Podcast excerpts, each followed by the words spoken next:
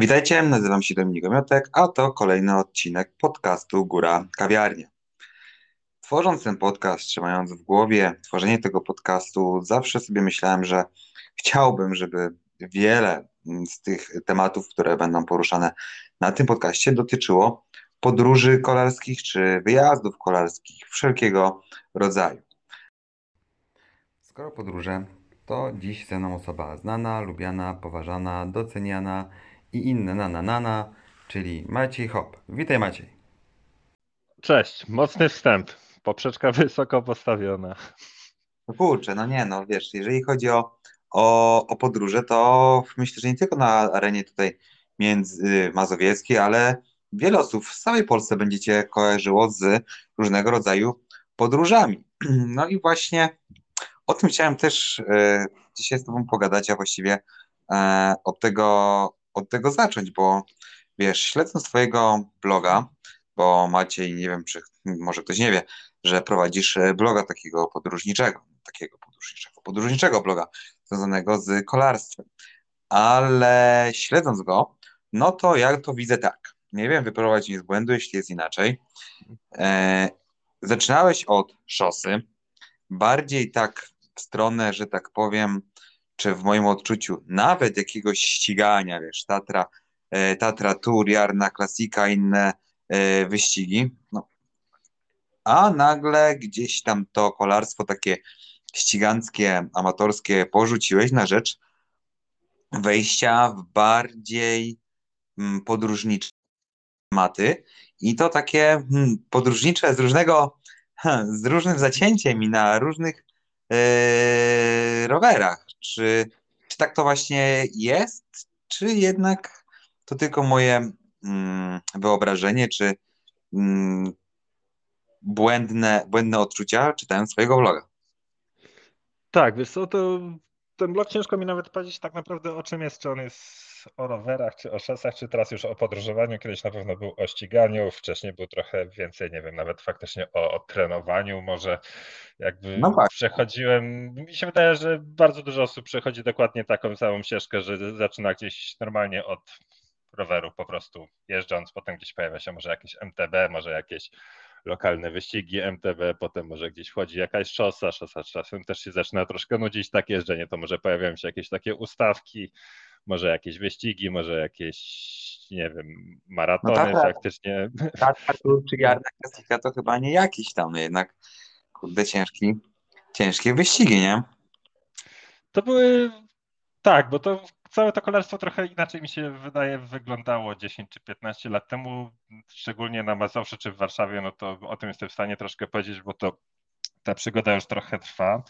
Mi się wydaje, że całe to towarzystwo szosowe z grubsza się znało i też taka jarna klasika na Słowacji, czy Tatry Tour na Słowacji, czy wiele innych wyścigów, to były tak naprawdę takie wyścigi, na których spotykało się w 80% dokładnie te same osoby, z którymi się na co dzień jeździło. To były takie czasy, gdzie faktycznie czy na Rondo Babka jeździliśmy, czy gdzieś tam z Ośką Warszawa, takie typowe treningi, gdzie po prostu człowiek skupiał się na tym, żeby przeżyć do, do mety. E, latami gdzieś tam był urywany, aż w końcu zaczęło się to udawać. Natomiast faktycznie z czasem zaczęło to gdzieś skręcać w stronę takich bardziej, nie wiem, czy nie wiem, czy to po prostu nie zaczęło się też troszkę nudzić z czasem, czy może gdzieś osiąga się taki moment, kiedy faktycznie już nakład pracy jest tak duży, potrzebny, żeby osiągnąć tam trzy pozycje wyżej na mecie, że to powoli przestaje się kalkulować w głowie, w sensie wymaga to tak dużo wyrzeczeń, a zysk jest tak nieduży, że że przy takim amatorskim podejściu staje się to trochę uciążliwe, że tak powiem.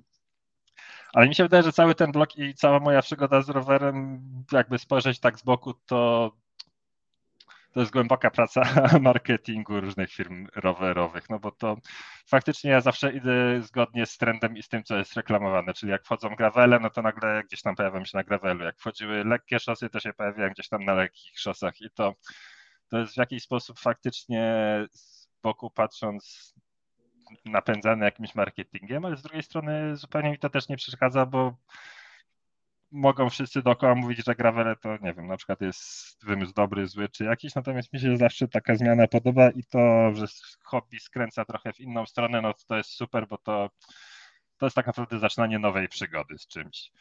Więc nie no wiem, ja... No, no. Mhm. no ja mam trochę takie mm, samo, samo mm, podejście i kiedyś o, też się więcej ścigałem, już nie pamiętam z którym odcinku rozmawiałem, czy z Kubą Pieniążkiem, czy z Sylwkiem Szmytem, e, no że jakby kiedyś to kolarstwo było jakieś takie, e, to amatorskie, ściganckie, było jakieś takie mm, inne, w moim odczuciu chyba bardziej takie romantyczne. I faktycznie jak się kogoś mijało na szosie, czy to, no to praktycznie każdego znałeś i, i, i jeżdżąc po tych wyścigach też jakiś ten klimat i odczucia były też jakieś takie fajniejsze. Poza tym, no wiesz, no, ja to, co mogłem na szosie osiągnąć, też osiągnąłem i jakby więcej już nie ogarnę. E, nie ogarnę i też mi się, tak, że tak powiem, brzydko e, powiem, że, że no, no, no, faktycznie jakby to zaangażowanie w te wyścigi jest, no, żeby dobrze się ścigać, dzisiaj naprawdę trzeba to robić już praktycznie na, na cały etat, a mi się po prostu kurde nie chce, żeby po to, żeby dostać kolejny pucharek, no Okej. Okay. No dlatego też właśnie y, stronę, y, stronę podróży i, i, i dlatego też chciałem właśnie, żeby ten podcast miał dużo takich mm, aspektów właśnie podróżniczych. No dobra Maciej, to powiedz mi teraz tak, no dzisiaj mm, jak te twoje podróże wyglądają i dlaczego akurat podróże? Co, co lubisz w tych podróżach na, mm, na rowerze i czym właściwie to podróżowanie z rowerem, czy z rowerami, na rowerach E, co cię w tym kręci, co cię w tym jara, co cię w tym e, pociąga, jeśli miałbyś tak mm, krótko, e, krótko powiedzieć? Tak, i to jest bardzo trudne pytanie i w ogóle też mam zawsze problem w stwierdzeniu czy w używaniu słowa podróże, no bo ja to traktuję tak naprawdę jako wyjazd na wakacje z rowerem de facto, nie? W sensie nie, nie mam tu jakiejś głębszej ideologii faktycznie, czy głębszego sensu w tym wszystkich, nie, nie, nie potrafię odszukać siebie podczas takiego wyjazdu. Ja po prostu biorę parę dni wolnego z pracy z tej puli 26, które mam rocznie i, i jedziemy ze znajomymi gdzieś tam na, na wakacje i przy okazji bierzemy rower, bo testując przez te kilkanaście lat różne formy wakacji, okazuje się, że jazda rowerem czy dłuższa, czy krótsza, to jest optymalna, optymalny sposób spędzania czasu dla mnie. Głównie dlatego, że chodząc chodzenie też jest super i daje dużo lepsze też możliwości oglądania pięknych widoków niż rower, natomiast jest się dość mocno zamkniętym na małej przestrzeni nowego miejsca. A podróżując samochodem, człowiek jakoś się odcina od tego wszystkiego. W sensie jest się w jakiejś takiej klatce, no ten obraz szy, szybko mija, dużo rzeczy naraz, natomiast e, rower zapewnia taką optymalną prędkość, czy jakąś taką imersję z tym otoczeniem zewnętrznym, jakoś tak się człowiek jest w stanie, nie wiem, wczuć w miejsce, w którym jest. E, no i co, no idziemy na wakacje tak naprawdę, no człowiek siada do Skyscannera czy jakiejkolwiek innej wyszukiwarki lotów, patrzy gdzie są tanie loty. Aktualnie, jak się trafia jakieś fajne miejsce, no to bierze się urlop i, i tam jedziemy, nie planujemy tego jakoś dużo wcześniej, dużo wyjazdów to są tak naprawdę plany stworzone dwa tygodnie, miesiąc maksymalnie przed, przed wyjazdem. E, kilka tygodni temu wróciliśmy z takiej wycieczki właśnie po Ruandzie i Ugandzie, no to bilety tak naprawdę kupiliśmy miesiąc przed wyjazdem i wtedy też powstał cały pomysł wyjazdu tam. Więc nie, nie przygotowujemy się do tego jakoś specjalnie, ale też e, każdy kolejny wyjazd daje dość dużo doświadczenia, dużo nowej wiedzy i koniec końców człowiek orientuje się, że tak naprawdę nie potrzebuje to wszystko dużego przygotowania, jakby jeśli podchodzi się z odpowiednio dużym spokojem i luzem w taki sposób, że nawet jeśli zapomnę jakiejś krytycznej rzeczy, nie wiem, no baterii, baterii do, do przerzutek, no to też jakoś to będzie, no będę jechał albo na mniejszej liczbie biegów, albo nawet w najgorszym wypadku zostawimy rower i pójdziemy gdzieś z buta czy, czy autobusem. No nie, nie ma dużych problemów tak naprawdę nie, z tym wszystkim. No forma też nigdy nie jest problemem, bo każdy, ja twierdzę, że każdy podjazd zawsze się podjedzie, jak się nie podjedzie, to się podejdzie. No, nie jest to żaden wstyd, jakby liczy się to, żeby faktycznie coś cały dzień robić i, i coś tam oglądać. No i znowu mi podsypałeś trochę koncepcję zadawania pytań, bo już odpowiedziałeś na moje kolejne pytanie, czyli e, mhm. jak się przygotowujesz do wyjazdu, jak szukasz e, e, kierunków wyjazdowych, patrząc po twojej mapie, no to trochę już Mhm. tej, który masz na blogu, już trochę tych państw i kontynentów zaliczyłeś. O tą Ruandę na pewno też chciałbym do niej za chwilkę wrócić, ale powiedz mi i wszystkim, którzy będą odsłuchiwali ten odcinek, Mhm. no, podróżujesz. E, no, już podpowiedziałeś, że mm, szukacie po prostu fajnych Mhm. e, biletów jakichś tam konkretnych, e, w jakieś fajne miejsca za sensowne pieniądze, ale powiedz mi, czy masz jakieś ulubione wyszukiwarki mm, do, do lotów, czy nie? Mhm. Wiesz co? Ja też mo- może trochę spłyciłem ten temat przygotowań, bo też nie chciałbym, żeby to tak zabrzmiało, że ja siadam, wpisuję Skyscanner, patrzę jakieś miejsce, klikam kuplot i, i lecę tam nieprzygotowany. To jest też okupione jakby naprawdę No. wieloma godzinami przygotowań konkretnych do, do tego wyjazdu już od momentu, kiedy kupię bilet, do momentu, kiedy wytyczymy konkretną trasę, czy, czy wymyślimy, co tak naprawdę chcemy tam robić. E, Wyszukiwarek konkretnych nie mam i też nie jestem w stanie nic sensownego za bardzo polecić. No tak naprawdę przeglądam wszystko, co znam. Wszystkie portale do, nie wiem, właśnie tego Sky, Skyscannera, wszystkie polskie e, portale z wakacjami, jakichś takich wakacyjnych piratów, czy, czy cokolwiek innego. No po prostu siedzę, szukam, jak się ma bardzo dużo czasu na to, żeby tam w tygodniu, nie wiem, spędzić 15 minut co, co tydzień de facto przeglądając, gdzie aktualne, któ- które kierunki są, nie wiem, trochę tańsze, które są trochę łatwiejsze w organi- organizacji, no to, to gdzieś się zawsze coś tam trafi. Okej, no dobra, to powiedz mi jeszcze tak. Kilka rowerów, czy kilka rodzajów rowerów, e, przejawia się, przejawia się przez twój, Tak. przez twój blog. E, była szosa, mm, gravele, rowery, których nie wiem, czy mają jakąś specjalną nazwę. Ja bym powiedział jako, nazwał to, ja pamiętam jeszcze na, rowery, które się nazywały po prostu spadakami i one tak trochę wyglądają. Natomiast jeżeli podróżujecie na nich, to czy one mają jakąś specjalną inną nazwę, czy... Mm, Nie wiem, ja na nie mówię też składaki. To są składaki na 16-calowych kołach i to jest najlepszy rower świata, co często powtarzam. E, Pewnie jest to znaczna przesada, natomiast na- dla mnie jest to naprawdę rower, który po prostu daje radość z jazdy taką stuprocentową, ponieważ po pierwsze nikt nigdy z żadnego miejsca nas nie wyprosił z tym rowerem. W najgorszym wypadku go złożymy i faktycznie jest nieduży, ale czy wchodzisz, nie wiem, do kina, teatru, restauracji, sklepu jakiegokolwiek, autobusu, taksówki, nikt nigdy nie miał z tym problemu, a po drugie, to też może zabrzmi nie najlepiej w takim podcaście, nie jesteśmy na tych rowerach traktowani jak rowerzyści, czy jak kolarze, czy, czy ktokolwiek inny, więc nawet jeśli jedziemy przez środek zatłoczonego miasta, to taki rower raczej wywołuje śmiech i, i jakieś takie pozytywne emocje niż też no wiadomo, że jakby typowy rowerzysta nie powoduje może negatywnych emocji, ale jakoś jesteśmy tak postrzegani jako śmieszny element otoczenia. Pamiętam, gdy jechaliśmy na nich przez Maroko, chyba to po prostu dzieci mijane umierały ze śmiechu, jakby wytykając nas palcami i, i śmiejąc się, że to jest jakaś całkowita abstrakcja. Gdzieś tam dwie osoby, czy, czy nawet chyba wtedy w czwórkę jechaliśmy na składakach podróżujące przez góry Atlas święta Bożego Narodzenia, po prostu zima 5 stopni, oni w puchówkach i nagle pojawiają się gdzieś tam na 2000 metrów czy 2500 metrów cztery białe osoby na składakach. No jest to śmie- śmieszna przygoda, a fakt, że te rowery latają często jako bagaż rejestrowany, a nie bagaż rowerowy, no to też jest duże ułatwienie i cenowe, i organizacyjne.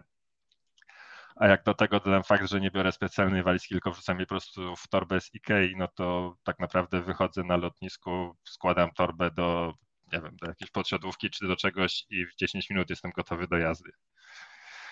E, Tak więc tak. Okej. Podsumowując, e, to twój ulubiony rower do podróży rowerowych? To jest rower, który mi daje najbardziej bezstresowe podróże ze wszystkich, bo wiem, że na pewno nie będzie problemu z niczym. Nie, nie zapomnę żadnej części. Prawdopodobnie nic się nie zepsuje, bo w tych rowerach nie bardzo ma się co psuć i organizacyjnie będzie to łatwy wyjazd.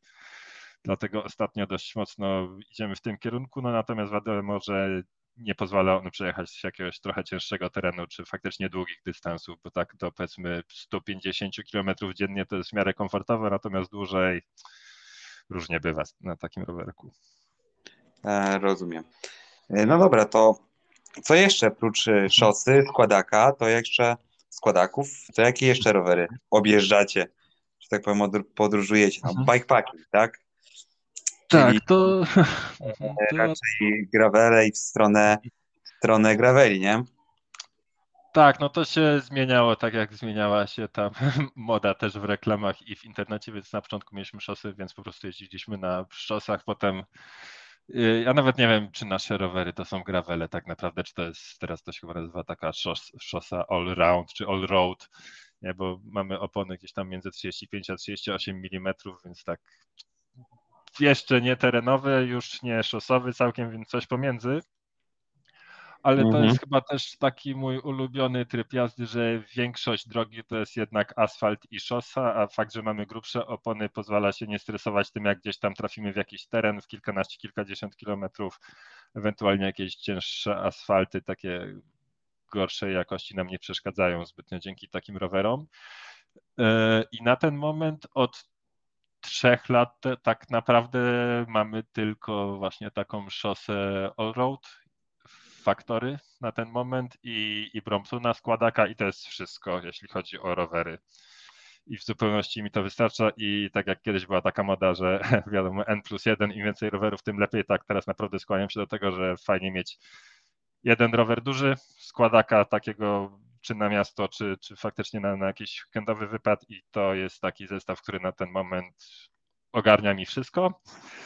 Natomiast gdzieś tam trochę planując powiedzmy w przyszłości jakieś bikepackingi powraca temat MTB jednak w przyszłości, ale też czuję, że mimo wszystko nie wiem, czy gravele to jest już ten idealny rower dla wszystkich, czy, czy też marketingowo MTB trochę nie wróci do łask za jakiś czas. Takie mam przeczucie, więc nie wiem, co to będzie. No mi jest ciężko y, się wypowiedzieć, bo ja jednak jestem pod tym względem dość um, zafiksowany mimo wszystko na szosę i ja mhm. dla mnie no, szosa, szosa, jeżeli podróżę, to tylko z szosą. Może dlatego, że po prostu mam y, nieprzyjemne y, doznania z gravelami. Mhm.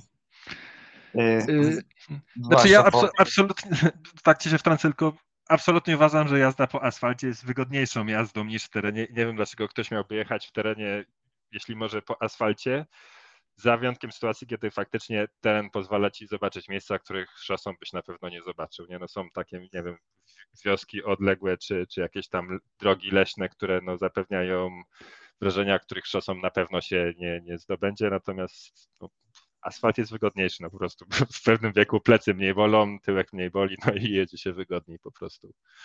No i ja takie podejście y, szanuję i doceniam. E, Okej. Okay.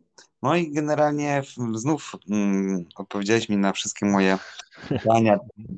Jaki rower ma jakie e, zalety i to i jak? To powiedz mi jeszcze teraz, jeżeli już wyjeżdżasz, czy masz jakiś plan, to jak do tego, mm, do tych wyjazdów e, podchodzicie, w sensie, no, mhm. wiesz, podróż można odbyć zarówno śpiący w pięciogwiazdkowych e, hotelach, jak i śpiąc e, w namiocie czy hamakach gdzieś tam pod gwiazdką, pod gwiazdą, pod gwiazdami, tak. z, z, z, takim super obcowaniem, że tak powiem, z naturą.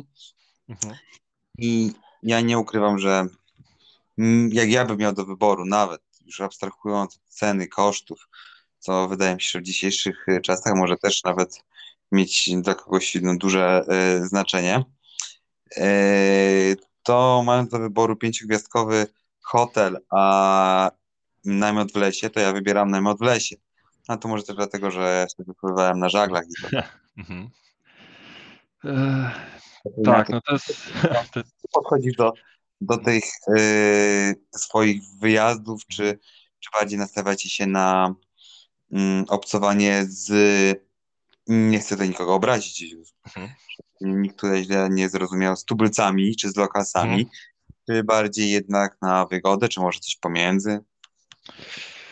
Wiesz co, to się zawsze różni trochę pomiędzy wyjazdami, no bo zupełnie inaczej traktujesz noclegi, jak jedziesz, nie wiem, przez zatłoczoną Japonię, a inaczej gdzieś tam faktycznie przez góry Atlas w Maroku, nie? Bo to są zupełnie inne możliwości i zupełnie inna organizacja czegoś takiego. Natomiast ja no, nie ale ukrywam... co do zasady masz jakieś preferencje, nie? Oczywiście.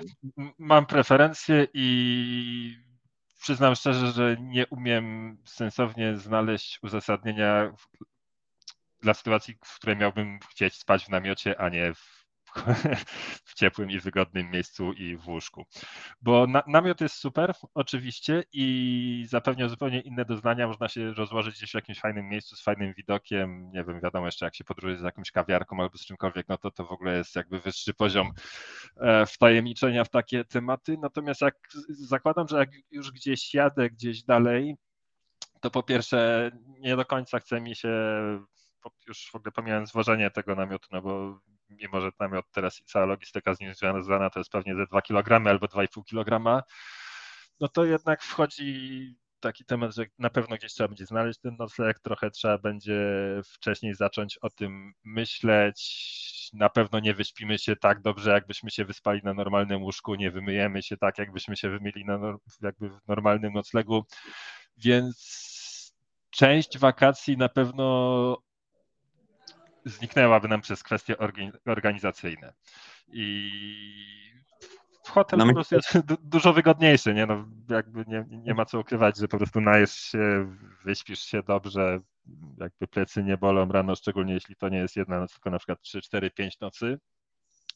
Więc tam, gdzie to możliwe, zawsze śpimy w jakimś takim raczej tańszym hotelu, ale jednak hotelu albo czy, czy czymkolwiek innym więc tu Booking dość mocno wchodzi w grę i zazwyczaj gdzieś tam ruszając danego dnia wiemy, gdzie potencjalnie można się spodziewać noclegów i w drugiej połowie dnia już zaczynamy gdzieś tam patrzeć w jakich okolicach, gdzie dojedziemy i gdzie by można było coś zarezerwować. No ale są też miejsca właśnie takie jak ta Ruanda, gdzie, czy, czy Uganda, no, gdzie Booking do końca się nie rozwinął i rzeczy związane z internetem też nie do końca się rozwinęły, no i po prostu jedziesz i gdzieś tam jak się zaczyna ściemniać, nie wiem, dwie, trzy godziny przed ściemnianiem się pytasz po prostu lokalsów, czy tam znają gdzieś jakiś nocleg, czy mogą coś gdzieś zaproponować. No i okazuje się, że zazwyczaj gdzieś ktoś ma jakiś nocleg, nawet jeśli to nie będzie hotel, to, to okazuje się, że jakaś ciocia kogoś, brata czyjegoś ma gdzieś miejsce, gdzie akurat, nie wiem, jest, ma swój pokój, może kogoś przyjąć i za jakąś drobną opłatą no, zorganizuje nawet jedzenie. I to też jest super, no bo lądujesz w miejscach, w których normalnie nie ma turystów, w sensie wszystkim się to wydaje abstrakcją, że ktoś jedzie rowerem gdzieś bardzo daleko tylko po to, żeby tam dojechać i wrócić potem z tamtego miejsca autobusem do miejsca, z którego zaczynał, nie? Eee, no, no my, no, można dużo przypadkowych osób poznać, takich, których by się nigdy w życiu nie poznało. Nawet jeśli ta rozmowa miałaby trwać 5, 10, 15 minut, to zawsze wpadnie jakaś ciekawostka i jakaś to jest atrakcja dla, dla obu stron, mi się wydaje. No, my kiedyś zorganizowaliśmy taki przejazd z Aten do Podgoricy, gdzie jechaliśmy szosami, mhm. ale Pamiętam, byliśmy, tak. ale byliśmy zabezpieczeni samochodem. Jechał cały czas za nami e, samochód, więc my tak naprawdę, wiesz, to było bardzo komfortowe, bo na szosach sobie jechaliśmy, lecieliśmy, e, a wszystkie bagaże, wszystkie rzeczy wiózł za nami e, samochód.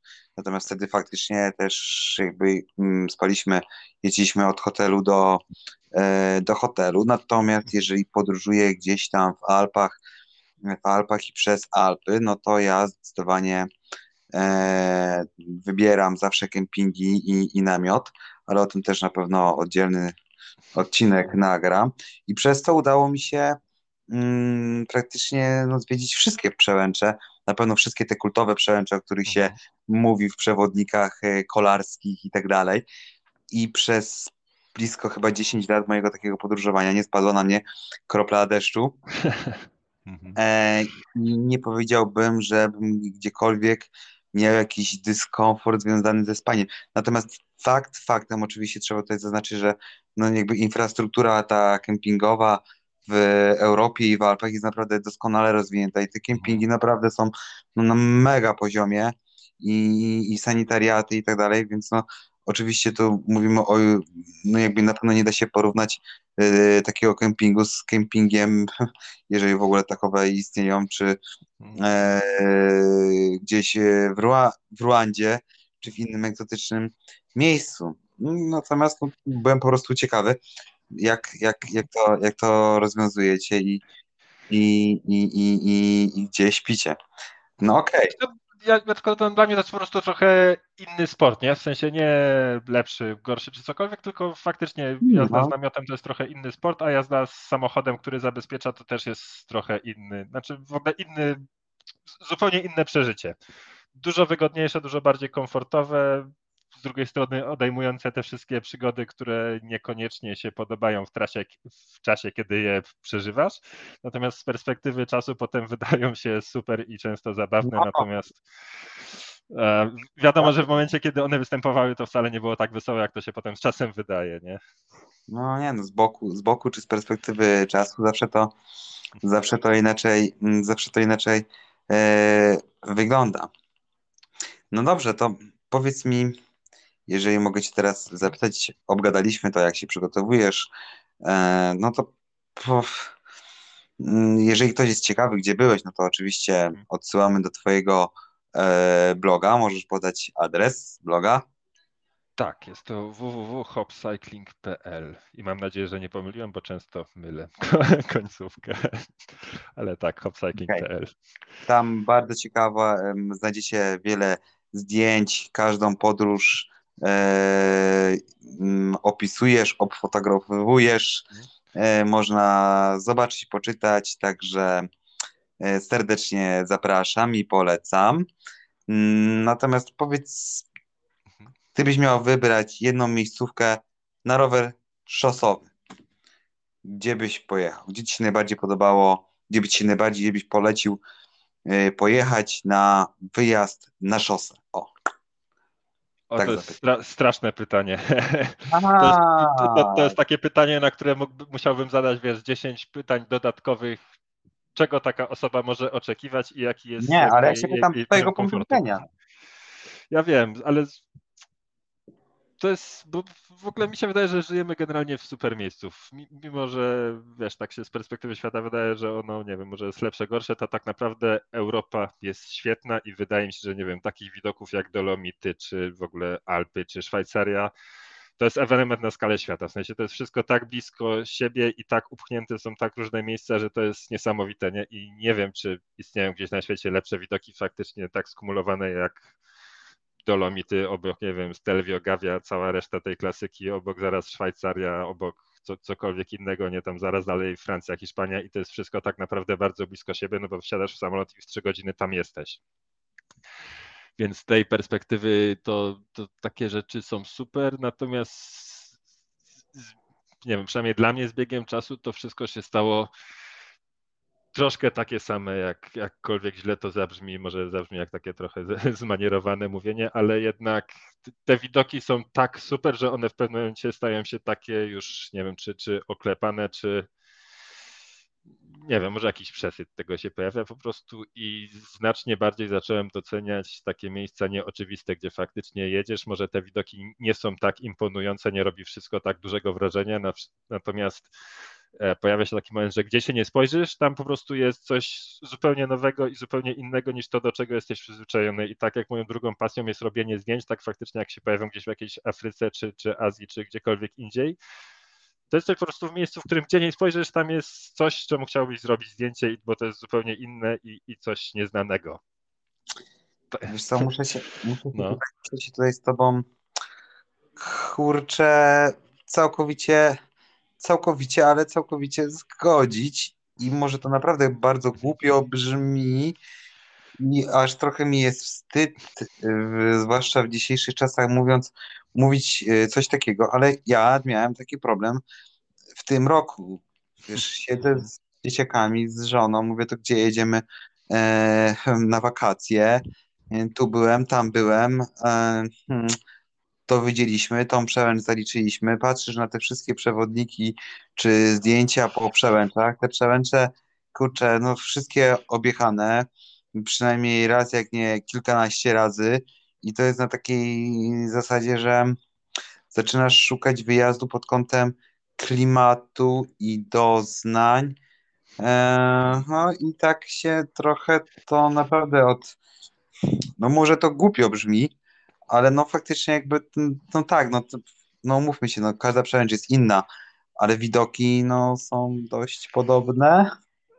Wiesz co, tak, to może zabrzmieć źle, ale to jest prawda, bo to wszystko jest inne, ale to jest wszystko takie samo. Spotkasz dokładnie te same auta, dokładnie tych samych turystów z Niemiec i z Anglii, tego samego Carrefoura, tą samą stację Shell. Na tej stacji kupisz dokładnie tą samą kanapkę, niezależnie od tego, czy jesteś we Francji i w Hiszpanii. I wiadomo, tu teraz ktoś powie, że to we Francji jednak kupisz sobie bagietkę i croissanta i coś tam, on będzie inny ale to jest dalej rzecz, którą masz może trochę lepszą albo trochę gorszą, ale u siebie, nie wiem, pod domem w Warszawie, nie, z grubsza, w tej samej piekarni będzie z grubsza to samo, co, co tam kupisz.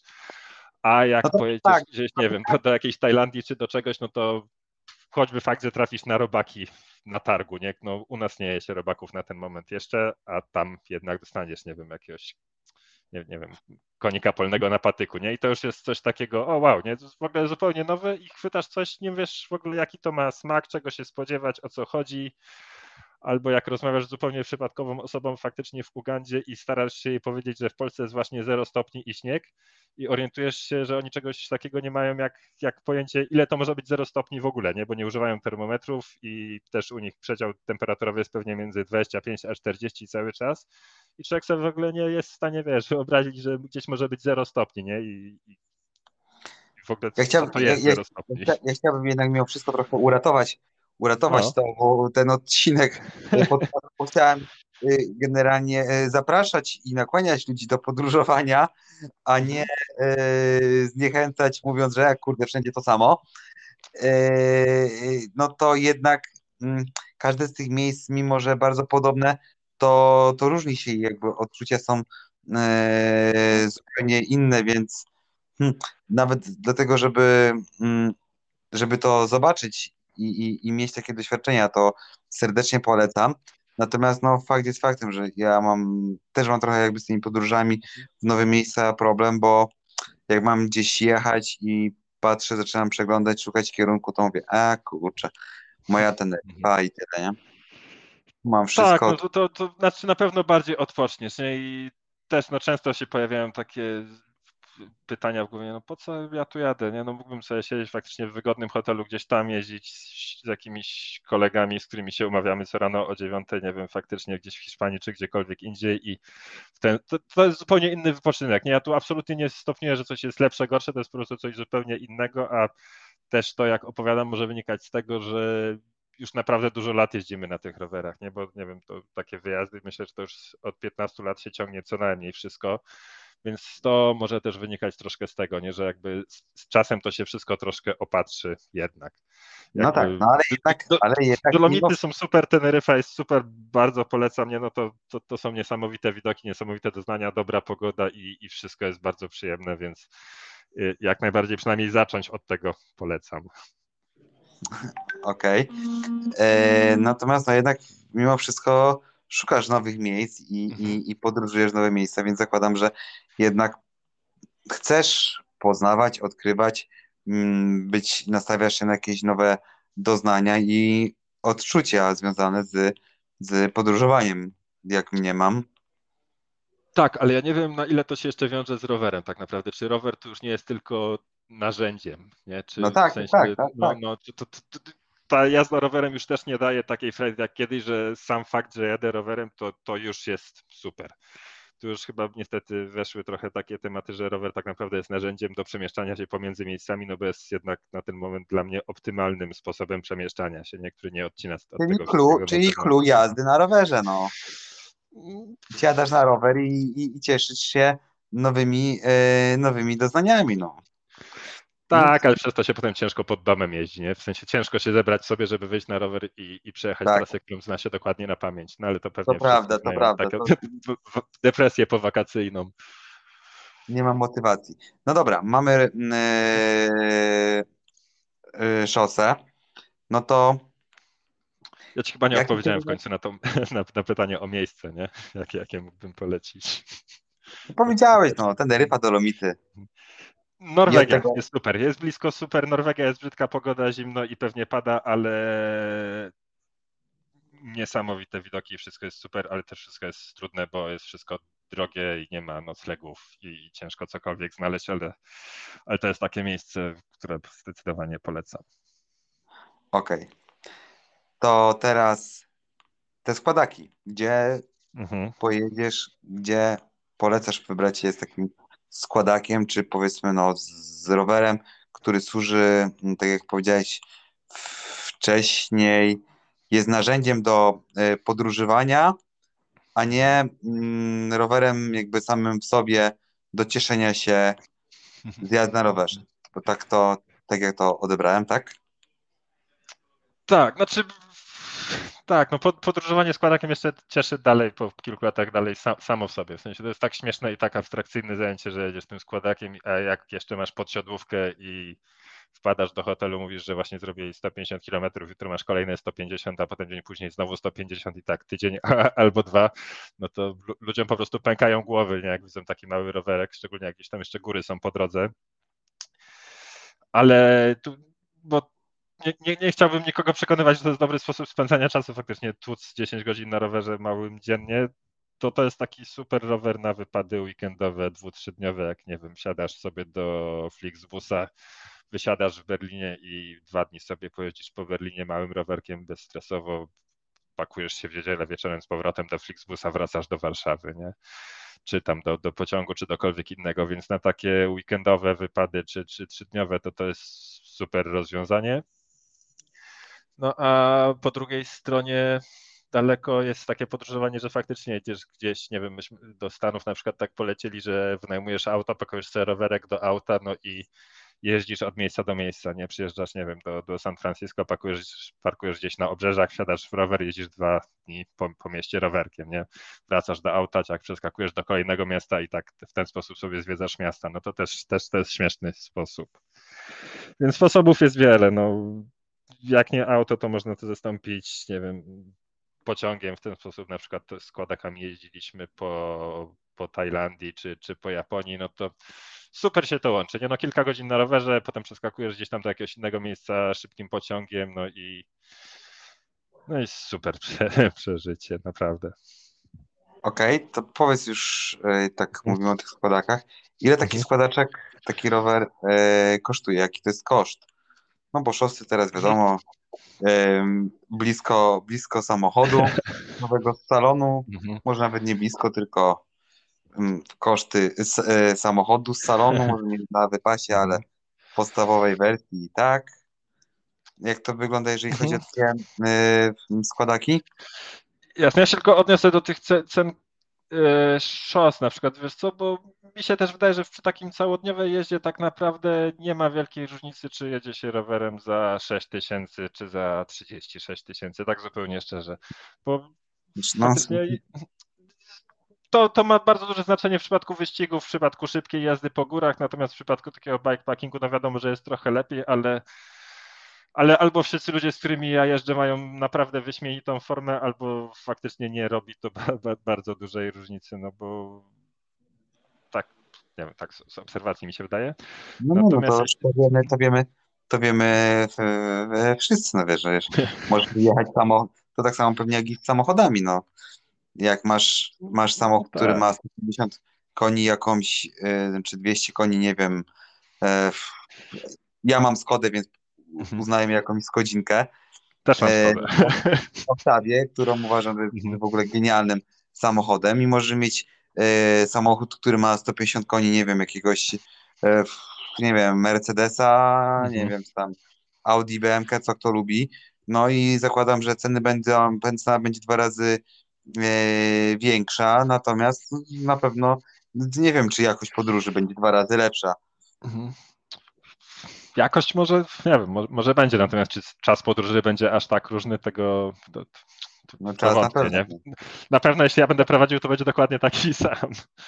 Yy, Dobra, no to No, wróćmy do, tych tak, składak. Ile taki składak kosztuje? I w tej chwili nie wiem, ale mogę powiedzieć, że na pewno abstrakcyjnie dużo i my jeździmy Bromptomami, więc one faktycznie są bardzo drogie. Kupowaliśmy chyba w czasach, gdy kosztowały około 6 czy 7 tysięcy. W tej chwili świat się zmienił, więc podejrzewam, że kosztują trochę więcej, chociaż widziałem gdzieś ostatnio jakieś wyprzedaże, że, i dalej chyba da się kupić gdzieś tam powiedzmy w granicach 7 tysięcy.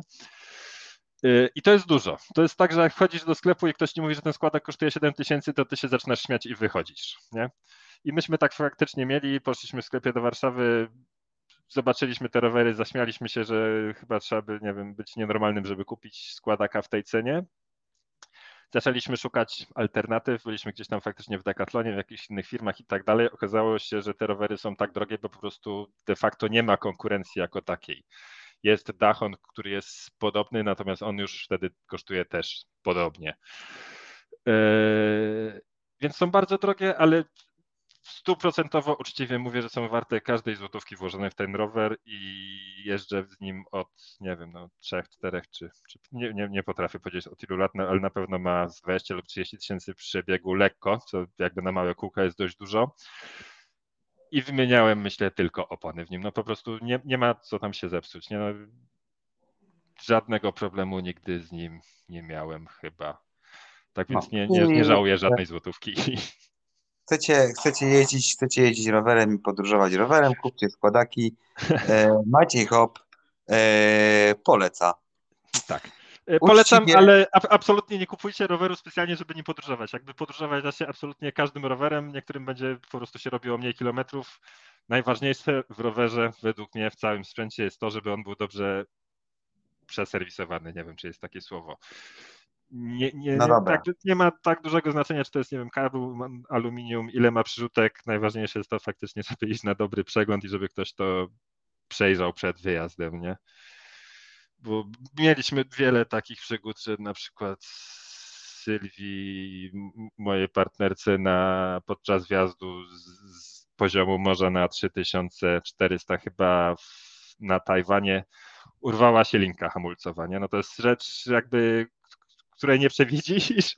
Jakby nie jesteś w ogóle w stanie sobie wyobrazić, że coś takiego się może stać, natomiast podczas tego, na szczęście to był jeszcze podjazd, urwała jej się linka hamulcowa i linka od przerzutek, nie? I pojawia się wtedy taki myśl, taka myśl, no dobra, fajnie, ale gdyby ona się urwała na 80-kilometrowym zjeździe, no to mógłby być to pewien problem. no, lekka, lekka, no. lekka tak, więc, tak, serwis to podstawa i upewnić się, że na pewno sprzęt jest w odpowiednim stanie przed wyruszeniem. Okej, okay, to powiedz mi teraz gravel, czy bikepacking, czy mm. trasa na bikepacking. O, tak zapytam. Trasa na bikepacking.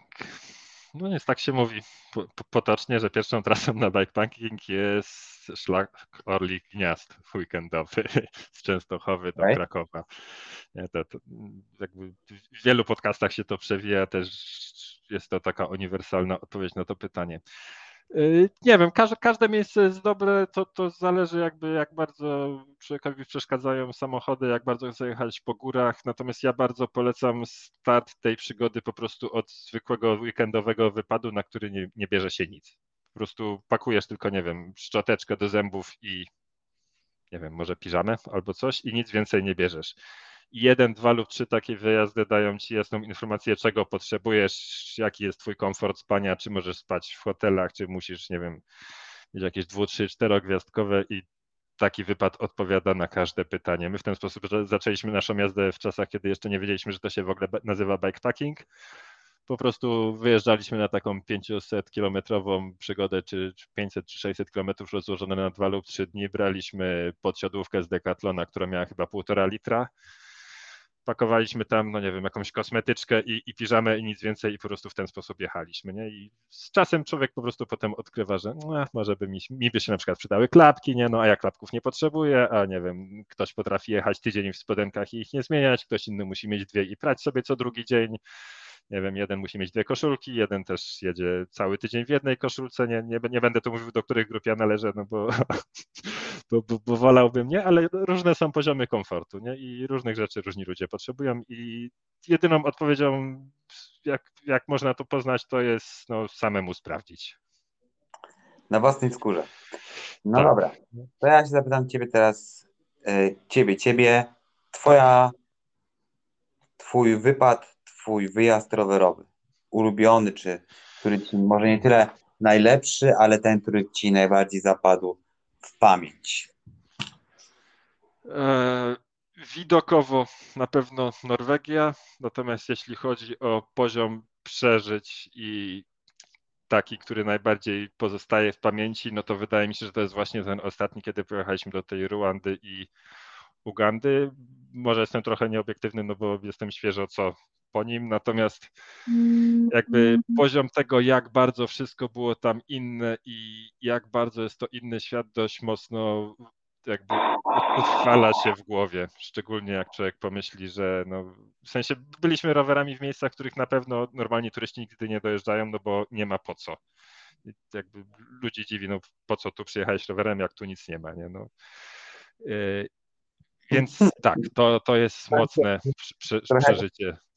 Mhm. Trochę się śmieję, pamiętam, że e, kiedyś jak pojechałem na e, Gran Fondo e, na KOS, mhm. gdzieś byłem parę dni przed jeszcze przed wyścigiem, no i mm, gdzieś sobie pojechałem oczywiście zwiedzać tą e, wyspę i oglądać, no i gdzieś tam usiadłem na kawie, jacyś lokaliści zaczęli mm, z jakimiś okresami e, wdałem się w dyskusję i mm, zapytali się mnie, co ja tutaj robię z tym rowerem i w ogóle mm, jak, to, jak to wygląda. Mówię, że przyjechaliśmy na wyścig, aha, no jaki wyścig?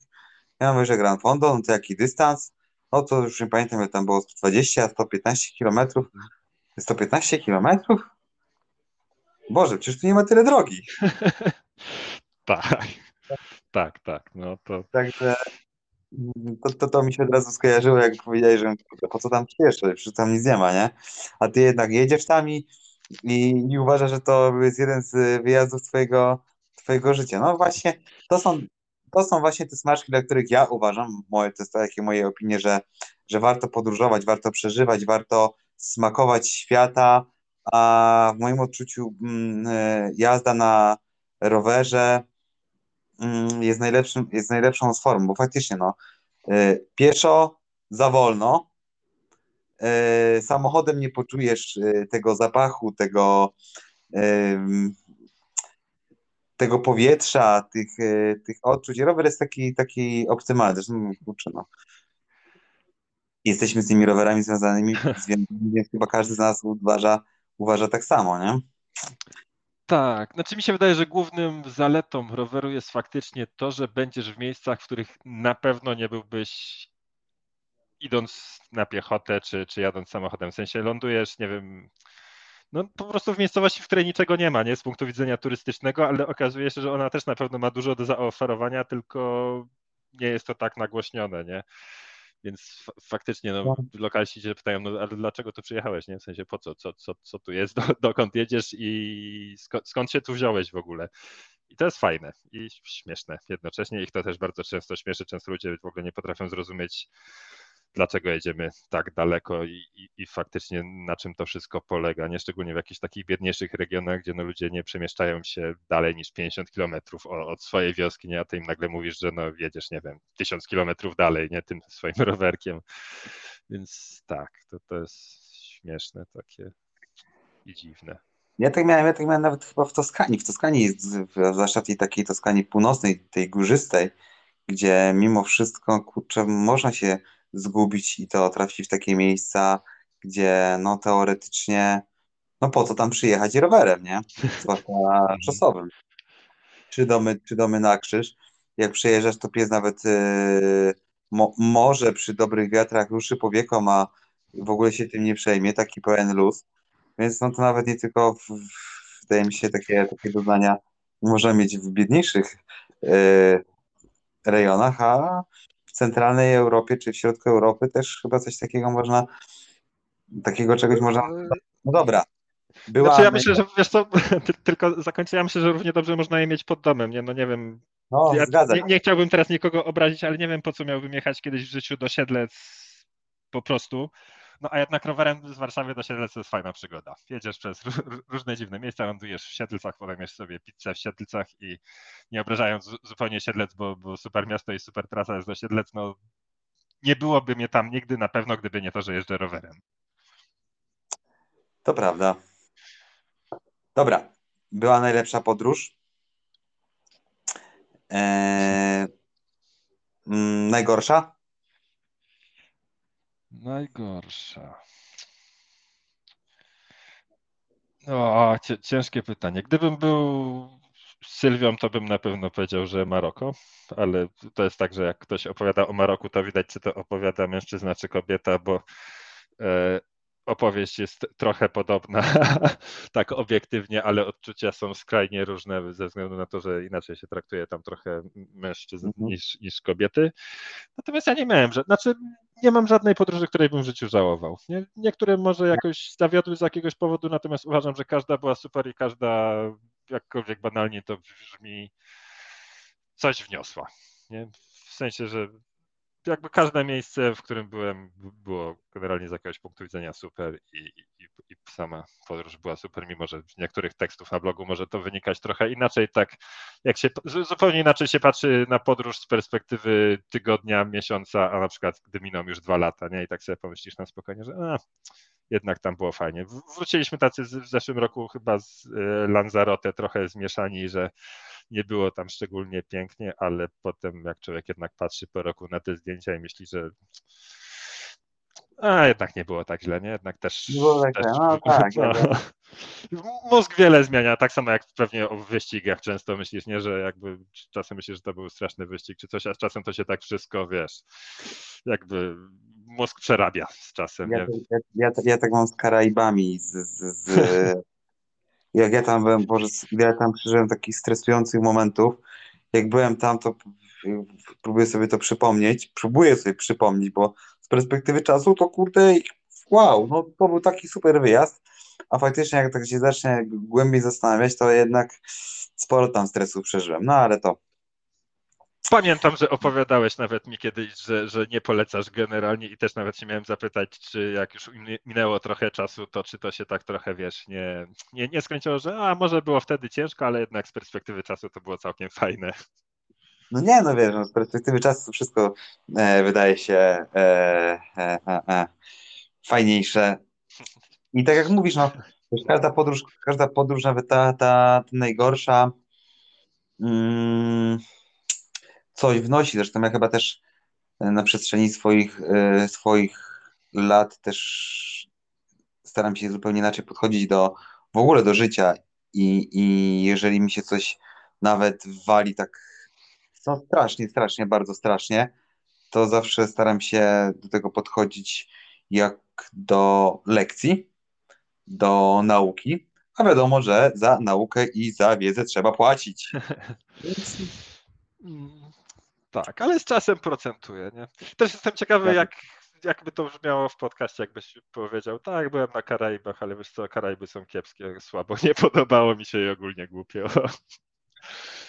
No, kurczę, no, nagram na pewno kiedyś o, o wyjeździe na, na Karaiby. Jest to bardzo specyficzne miejsce, zwłaszcza jeżeli chodzi o jazdę e, rowerem e, na szosie. A... No tak, wiesz, no ja mam ten problem, że wszystko porównuję wszystko porównuję do, do Teneryfy, bo tu mi jest tak. chyba najlepiej. Najlepiej uważam, że w ogóle to jest najtrudniejsze miejsce na świecie, ale no, wybaczcie, jestem na pewno jestem stronniczy. E, nie będę się sprzeczał. Dla mnie jest to miejsce e, numer jeden. Natomiast no, no, no nie, no kurczę. Jak mój kolega, mój, mój kolega zawsze powtarzał, że wszystkiego w życiu trzeba spróbować. Wielu rzeczy wystarczy raz. I tak miałem zaraz po wyjeździe na, na, na Karaiby. Dzisiaj, hmm, dzisiaj nie jestem tego taki pewien, czy bym tam nie wrócił. Nawet na szosę. Inaczej bym się do tego przygotował, inaczej mi się nastawił może. To też wiesz, pewnie zależy od, y, sporo od nastawienia, bo jednak y, twoje oczekiwania versus y, końcowe doznania mogą być y, znacznie, y, znacznie różniące się. Tak, tak. To, to, to jest znany problem chyba. No, myśmy... A propos właśnie teraz no. tej najgorszej podróży, czy mogę zadać pytanie troszeczkę inaczej? Twoje największe rozczarowanie. O, O. Huh. Gorsza podróż, a rozczarowanie. Wiesz co? Nie wiem, czy. Nie wiem, czy potrafię odpowiedzieć na to pytanie tak zupełnie szczerze. Ja, w sensie, to jest taki temat, który mnie teraz będzie, ty ty mnie z nim zostawisz i ja się będę zastanawiał teraz trzy dni i trzy nocy nad nim, co mnie mogło rozczarować w życiu. Tak, jeśli chodzi o wyjazdy. Bo chyba nic, bo naprawdę, no to znowu zabrzmi banalnie, ale z perspektywy czasu nawet te rzeczy, które rozczarowały, tak jak na przykład, nie wiem, z takiej Tajlandii nie wróciliśmy jacyś tacy, że widzieliśmy coś wow, nie, że coś niesamowitego, że jakieś widoki, ale to też nam trochę czasu zajęło zrozumienie, że to w sumie nie zawsze chodzi o te widoki, że faktycznie jeśli porównujesz wszystko do, do tych słynnych dolomitów, to naprawdę niewiele miejsc na świecie jest w stanie je przebić, nie? I wiesz co, ale wiesz, ale, no. ale, ale wiesz co, akurat a propos tych dolomitów, no byłem, mhm. byłem oczywiście, zaliczyłem wszystko, ale mnie dolomity naprawdę nie urzekły. Nie wiem, chyba jestem jedyną osobą ze świadka e, szosowo-kolarskiego, które mówi, że e, Dolomity, e, hmm, mhm. nie, nie wracam tam. Wiesz co, to ja ci powiem, że nie jesteś, ponieważ jak, jak kiedyś popełniłem na bloga taki artykuł o dolomitach, w których napisałem, że dolomitów nie polecam rowerem szosowym, natomiast bardzo polecam dolomity chodząc z buta. Bo okazało się, że wszystkie te podjazdy, które się robi no, rowerem szosowym, to tak naprawdę dojeżdżasz na parking, z którego normalni ludzie zaczynają spacery w góry, a ty na tym parkingu kończysz. No i nie dość, że jedziesz cały czas wśród tych samochodów i mijają się co chwilę głośne niemieckie samochody emerytów, nie, to, to de facto wjeżdżasz do miejsc, z których normalni ludzie zaczynają dopiero spacery. Więc może no faktycznie, no mówiąc o tych dolomitach, mam na myśli jednak dolomity chodzone na piechotę niż, chodzone, niż jeżdżone rowerem. Boże. Ja wiem, że większość osób jest bardzo zachwycona faktycznie dolomitami, ale one pokazują swój prawdziwy urok dopiero jak się zejdzie z roweru i gdzieś tam się, wiesz, stopami sobie pocieszyłeś mnie. Pocieszyłeś no, mnie. Pocieszyłeś. Tak, no bo też jakby jak napiszesz coś takiego publicznie w internecie, no to zdradzę ci, że naprawdę dużo dostaję potem takich wiadomości, że no nie wiem jak to ładnie ująć, nie, no, ale gość pojechał sobie w Dolomity i wraca i mówi, że no było tak sobie, nie, rowerem jakby to budzi pewną agresję, tak jak jakbyś powiedział, że te Karaiby są no, takie sobie Karaiby, nie, czy coś takiego, no to jakby nie, nie dziwię się ludziom, że, że potrafi to gdzieś tam jakaś żyłka pęknąć, jak coś takiego usłyszy, natomiast no tak jest, jakby skoro tak było, to tak napiszę, no bo, bo no, no tak. Ja też nie, nie, chcia, nie, chcia, nie chciałbym, że tak powiem, żeby, y, żebyśmy zostawili tutaj kogoś z takim poczuciem, że nie no kurde, yy, masz e, kieszeń wypchaną, e, wypchaną dolarami, sobie po świecie i, e, i sobie zwiedzasz i mówisz, że a, tam było beznadziejnie, bo ja uważam, że jakby większość tych podróży i fajnych przeżyć można zrobić naprawdę po, po, po, po, po niskich kosztach i dość budżetowo, wcale nie kosztem, wcale nie śpiąc, że tak powiem, brzydko po komórkach i w normalnych, w normalnych warunkach, tylko trzeba do tego mądrze, e, mądrze podejść, ale no, no, no są, ja na przykład, no, no nie wiem, no, mnie akurat te dolomity tak, tak, tak średnio.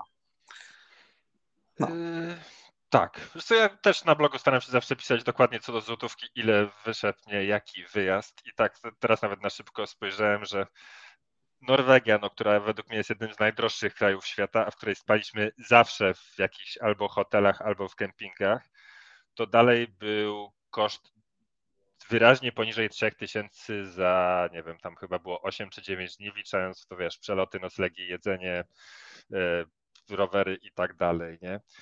Taka Uganda z tą Ruandą, myśmy tam jechali na 11 dni, teraz było dość drogo, ale dalej to było tam koło 6 tysięcy, powiedzmy, na, na głowę, wliczając, wiesz, przeloty z rowerami, no same rowery. Biorąc pod uwagę, jakie mamy teraz Jakie no mamy teraz ceny, to naprawdę. tak, tak, jak się to przeliczy jakby na, na ilość wizyt w Żabce czy w Biedronce, no to to się nie robi tak dużo, nie? Szczególnie, że dalej podróżowanie z tymi rowerami jest drogie, bo to człowiek kupuje sobie lot za 2000 zł dla siebie, a taki rower potem dokłada jeszcze kolejne 800, nie? Więc to, to jest ciężkie. No. To prawda. No dobrze. Maciej, strasznie miło mi było z Tobą pogadać o, o podróżach, o, o jeździe. Mam nadzieję, że kurczę, nie zostawimy ludzi, którzy tego słuchają z takim trochę, nie wiem, przeświadczeniem, że a siedź tam w domu, nie ruszaj ta się. Absolutnie nie. Nie, nie, nie. nie. W sensie nie, Bo- nie, bo- no nie ma nic lepszego bo- niż wsiąść na rower i sobie pojechać. Tak, no ale wiesz, rozmawiając, to jest to, o czym, o, o czym mówiliśmy. Rozmawiamy tutaj, a tu mogłoby być, a w sumie tu jest tak samo, a tu jest okej, tu też jest niby okej. Generalnie wszędzie jest podobnie. E, no i generalnie to wiesz, no. Ale to, to, to, to, jest właśnie to podróżowanie, że później siedzisz, siedzisz i, i w moim odczuciu przynajmniej masz taki, takie poczucie, taki pozostanie takiego jak po dobrej, jak po dobrej kolacji, że o kurczę, tu coś jednak było, mogę się wypowiedzieć, mogę porównać z inną y, kolacją, czy z innym daniem. E, I to są takie rzeczy, które zostają, zostają w, na lata. Mam nadzieję, że, że, że, że wszyscy, którzy tego słuchają, tak to e, odbiorą. Mam nadzieję, że też masz takie, takie taką Mam nadzieję, nadzieję, że to pytanie o, o to, w którym miejsce mnie zawiodło albo w którym mi się nie podobało, że nie byłem w stanie wskazać takiego miejsca, to może jednak sugerować, że to wcale nie jest tak źle, jak opowiadamy i że naprawdę z perspektywy czasu no, trochę podróżowaliśmy i w ciągu tych kilkunastu lat mogę powiedzieć, że naprawdę nie żałuję żadnego wyjazdu i każdy wyjazd był super i każdy ma niezapomniane wspomnienia i też nic nie łączy tak bardzo jak jakby wspólne faktycznie, no to się teraz tak górnolotnie mówi cierpienie, czy zmęczenie, czy cokolwiek, ale w takim pozytywnym tego słowa znaczeniu, no, że to faktycznie Wiesz, rodzi takie, wiesz, przy- przyjaźnie głębokie. No my tu gadu gadu, my tu gadu gadu, a mi tam za, za drzwiami właśnie Zośki, Ośki i cała ekipa e, twoja warszawska e, gada i imprezę rozkręca, no ale za chwilę tam do nich dołączę. E, jak słuchają tego odcinka, to ich serdecznie e, pozdrawiam za drzwi. E, na koniec chciałem z ciebie, mm, jak i każdego mojego rozmówcę, czy osoby, z którą, którą zapraszam do podcastu, zapytać o dwie rzeczy. Skoro góra kawiarnia, to jaką kawę pijasz? Jaka jest twoja ulubiona kawa? Mhm. Dobra, to jest wstydliwe pytanie, ale na szczęście nie spotykam się rzadko z ludźmi, więc mogę powiedzieć zupełnie szczerze, że ja najbardziej lubię kawę z mlekiem i z cukrem. A Okej. jeśli, jeśli robię ją sobie sam, to jest to zazwyczaj inka, bo ona wymaga w zupełności najmniej zachodu, bo nawet woda nie musi być bardzo gorąca. Wiesz co? E, Pozdrawiam serdecznie teraz wszyscy e, moich kolegów z Story Cafe, czyli z, z jednej z palarni, z którą też jestem zaprzyjaźniony. I e, Robert zawsze powtarza, że najlepsza kawa to jest ta, która tobie najbardziej smakuje. Bardzo mnie to cieszy. Koniec, Tak. I koniec dyskusji. I powiedział to e, wicemistrz Europy, czy mistrz Europy Roosterów. E, także mm, człowiek, który na kawie się zna. E, więc tak, no to mamy sprawę kawy zamkniętą. A skoro góra, to ulubiony podjazd. Ulubiony podjazd, ale taki, że ulubiony, w sensie najlepszy jaki jechałem, czy taki, że chciałbym go cały czas sobie jeździć w ten sposób bardziej? W sensie... No to jeden i drugi. O, żebyś nie miał problemu.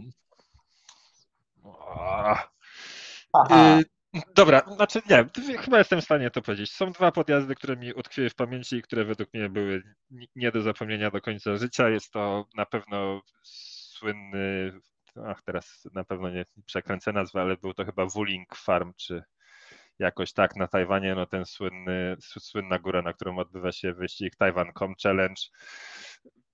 Widokowo może nie, nie, nie był to najlepszy podjazd w życiu, ale był bardzo zróżnicowany. No i sam fakt, że jednak droga prowadzi z 0 metrów na 3400 i, i po drodze mija się naprawdę bardzo wiele różnych rzeczy i, i nie wiem, sam fakt, o ile temperatura się może zmienić po drodze jest dość zaskakujący, no to to było coś, co, co bardzo utkwiło w pamięci, szczególnie gdzieś tam zachód słońca faktycznie na 3400 metrów i fakt, że jeśli oglądasz zachód słońca na- tej wysokości, to znaczy, że zapomniałeś, że zaraz zrobi się bardzo zimno i to będzie bardzo duży problem. Więc tak, za, zapamiętałem go z bardzo ładnych widoków i z faktu, że było tam naprawdę zimno, wracając z niego. A najładniejszy widokowy podjazd to jest chyba, też nie, nie chciałbym to przekręcić, ale wydaje mi się, że to była Dalsniba w Norwegii. To jest taki podjazd znajdujący się niedaleko drogi troli, która jest bardzo znana jakby w całym internecie, natomiast e, dla mnie była 100 razy ładniejsza. I tu tylko jeszcze, przepraszam, chciałbym wtrącić, że faktycznie największy zawód rowerowy to była droga atlantycka w Norwegii. Jest słynne takie zdjęcia takiego mostu, wiesz, Tak, tak. bardzo stromego, tam bardzo ładny też Szymon Bajk wrzucał zdjęcia gdzieś stamtąd. To na żywo wygląda zupełnie inaczej niż na zdjęciach. To jest tak, że No. stajesz i myślisz, aha, to jest to. No super, nie? Szczególnie jak wcześniej jedziesz tam trochę po Norwegii i widzisz niesamowitą liczbę zapierających dech w pierściach miejsc i nagle widzisz tą drogę norweską, do której cały czas jechałeś, tak stajesz i myślisz, aha, no super. No to jakby ktoś jeszcze nie kojarzył z, z internatów e, Tak. tej drogi, to w ostatnim Bondzie też była, nie? Faktycznie, mogła być. No, także tak, jak ktoś nie jest fanem e, podróży kolarskich, a jest fanem Bonda, to też tam może sobie tą drogę norweską słynną e, zobaczyć. Maciej, strasznie Ci dziękuję za Ja rozmowę. również dziękuję, bardzo ciekawa rozmowa. Tak, na koniec tylko jeszcze, nie, tam, nie wiem czy tam masz limit godzinny, ale jakbym mógł tylko jeszcze wtrącić na sam koniec, że Słuchaj, ja nie mam żadnych, ja nie mam, ja nie mam żadnych limitów. Wiesz, to, kurczę, kto, kto, za, kto nam zabroni, no. Super, to ja bym chciał tylko dowiedzieć, że w całym tym podróżowaniu i organizacji i w tym wszystkim, że najważniejsze to jest nie stresować się i nie przejmować się wszystkim zbytnio, bo naprawdę widziałem masę ludzi, którzy, których po prostu pokonało takie pytanie, wiesz, a, a co się stanie, jeśli coś się stanie, nie? A, a co jeśli, a jak tu nie dam rady, a jak no, nie przejedziemy tego.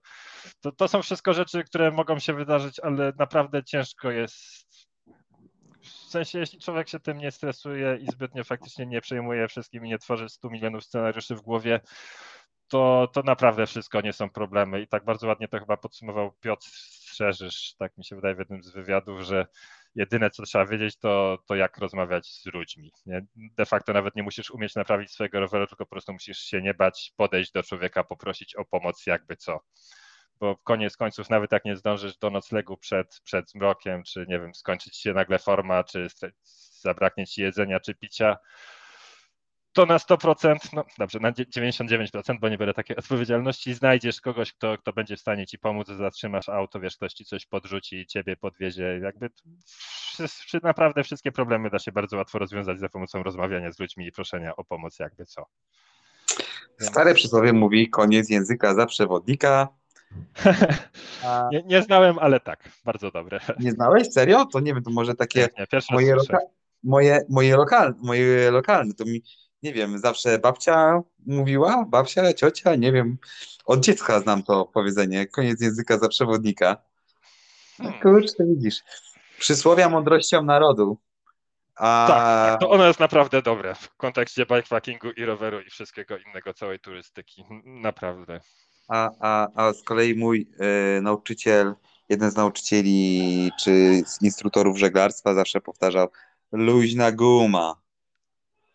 Tak, też. Jakoś to będzie. Nie? No, w sensie jakoś się to wszystko potoczy. No, no, naprawdę ciężko jest znaleźć się w miejscu, gdzie nie ma w pobliżu ludzi albo jakiegokolwiek ratunku. No na żaglach wygląda to trochę inaczej, ale No tak, wierzę faktycznie. Ale mimo wszystko luźna guma.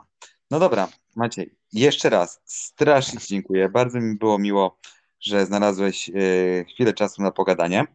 E, no i co, no do zobaczenia w górze, na szosie, może na jakiejś, e, w, jakimś ciekawym miejscu. No, może na Teneryfie kiedyś, zobaczymy. Zapraszam, zapraszam, zapraszam. Wiesz, ja właśnie teraz, no u mnie się tutaj dużo, dużo dzieje. Przed chwilą World Toury był u mnie w gabinecie na Teneryfie. Teraz e, rozmowa z Maciejem Hopem, znanym i lubianym e, podróżnikiem.